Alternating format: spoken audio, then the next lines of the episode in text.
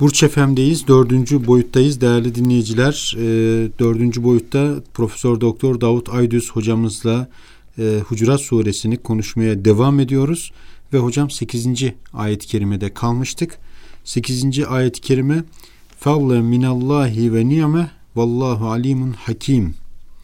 İşte Allah'tan bir lütuf ve nimet olarak Allah her şeyi hakkıyla bilir diyor hocam.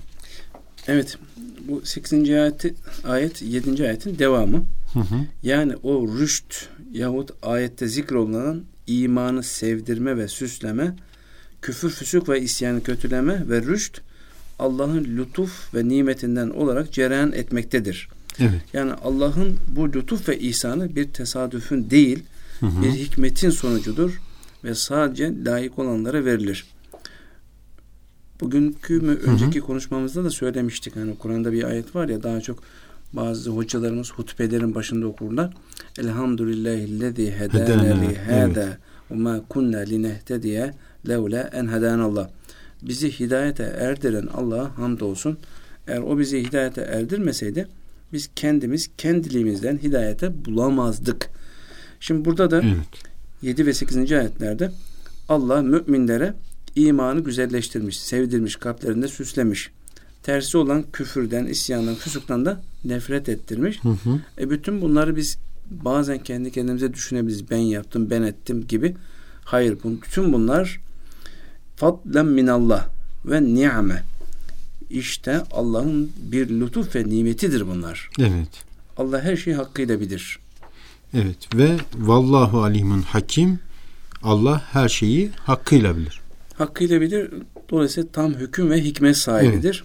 Birçok müfessir siyak ve sibaktan da anlaşıldığı gibi ayetin önce ve sonrasından anlaşıldığı gibi Peygamber Efendimizin sallallahu aleyhi ve sellem Beni Mustalık hakkında Velid'in haberine dayanarak onların üzerine orduyu gönderme konusunda mütereddit davrandığı görüşündeler.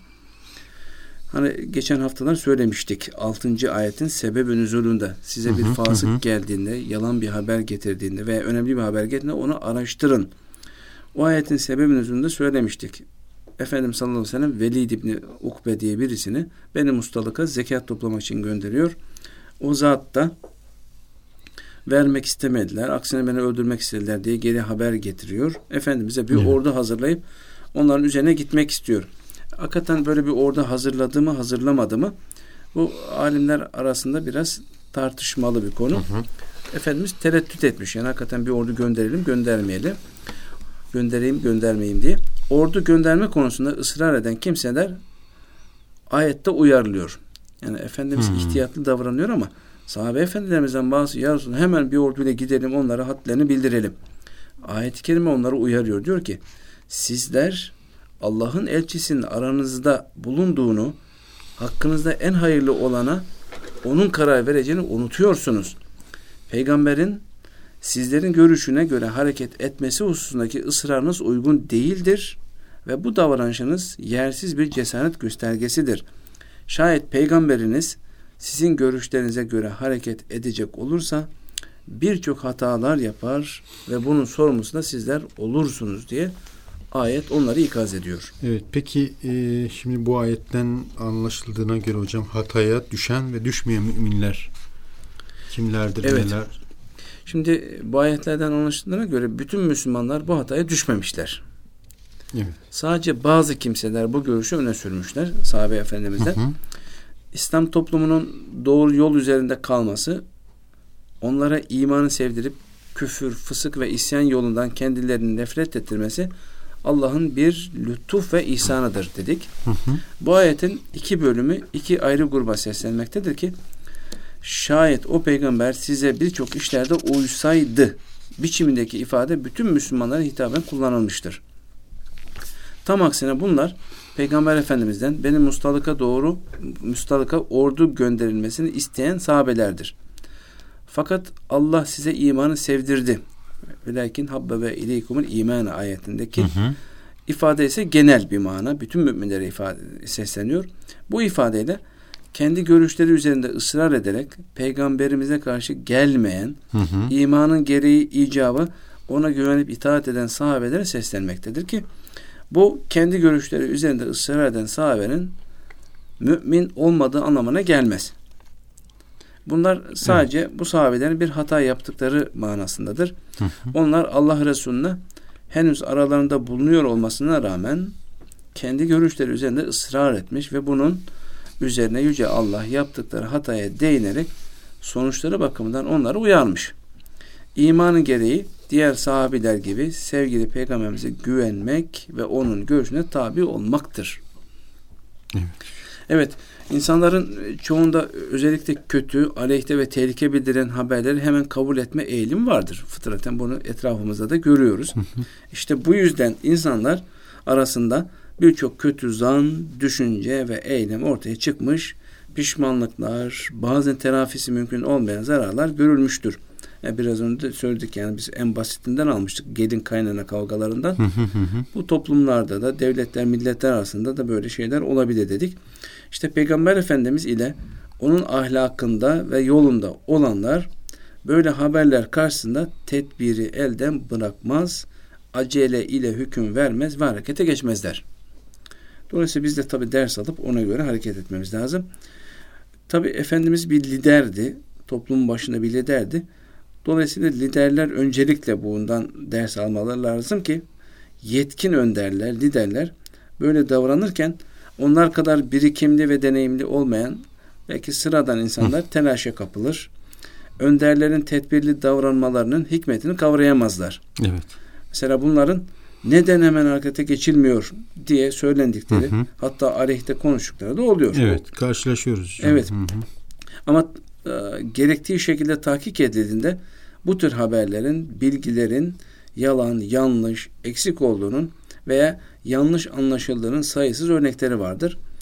Onun için önderlerin davranışı karşısında teslimiyet göstermek, acelecilik göstermemek ve isyan etmemek için sahabede iman, peygambere güven ve sevgi vardı. Evet. Şu halde daha sonraki zamanlarda da insanların yani bizlerin peygamber ahlakındaki önderleri seçmemiz ve onlara güvenmemiz gerekmektedir. Evet hocam. Ee, şimdi tabii acele davranma e, var hocam. Acelecilik e, işte insanın tabiatında mevcut olan bir şey. Tabii bunu Kur'an-ı Kerim de söylüyor. Hı hı. Yani insan hissi davranma, nefsine uyma, acele davranma tabiatında var. Oysa Efendimiz sallallahu aleyhi ve sellem bu gibi sıfatlardan arındırılmıştı. Evet. Gerek Hudeybiye'de, gerekse Velid bin Ukbe olayında eğer asabından çoğunun görüş ve düşüncesine uysaydı hakikaten sonu çok kötü olur. Birçok kimsenin kanı akar ve tabi telafisi zor olan gedikten açılırdı. Bu bakımdan Resulullah sallallahu aleyhi ve sellem böylesine önemli ve tehlikeli konularda hislerin kabardığı hallerde ashabının görüşüne uymazdı. Evet. Soğukkanlı olmayı, sabretmeyi ve olayı sebep ve sonucuyla değerlendirmeyi tercih ederdi. Her ne kadar konumuz değil ama Hudeybiye tabi burada evet. söyledik. Hatırlayacak olursak Efendimiz bin, bin veya 1500 kişiyle Umre'ye gidiyor. Hı. Yanlarında da silah falan yok. Hiçbir şey yok. Sadece Umre için gittikleri için. E, Mekkeler bunu haber alınca onları çeviriyorlar. Tahrik ediyorlar. Savaşmak istiyorlar. Nasıl olsa bunlar sana silahsız. Bunların hepsini kılıçtan geçirelim. işlerini bitirelim istiyorlar. Efendimiz hayır diyor. Tahrike gelmeyin. Ondan sonra malum Hudeybiye Anlaşması imzalanır. Hudeybiye Anlaşması da bildiğimiz gibi şartlar hep Müslümanların aleyhine. Müslümanlar hiç kabul etmek istemiyor. Buna rağmen Efendimiz imzalıyor. O kadar malum şartlar aleyhte ki Hazreti Ömer bile ne diyor? Ya Resulallah sen Allah'ın peygamberi değil misin diyor. Evet peygamberiyim. E böyle bir şartları nasıl kabul ediyorsun? Böyle bir anlaşmayı nasıl imzalıyorsun diyor. Ben Allah'ın emrettiğinden başkasını yapmam diyor. E demek ki Hazreti Ömer bile ki Hazreti Ömer de öyle çok sıradan bir insan değildir. Efendimizin bir hadisi var.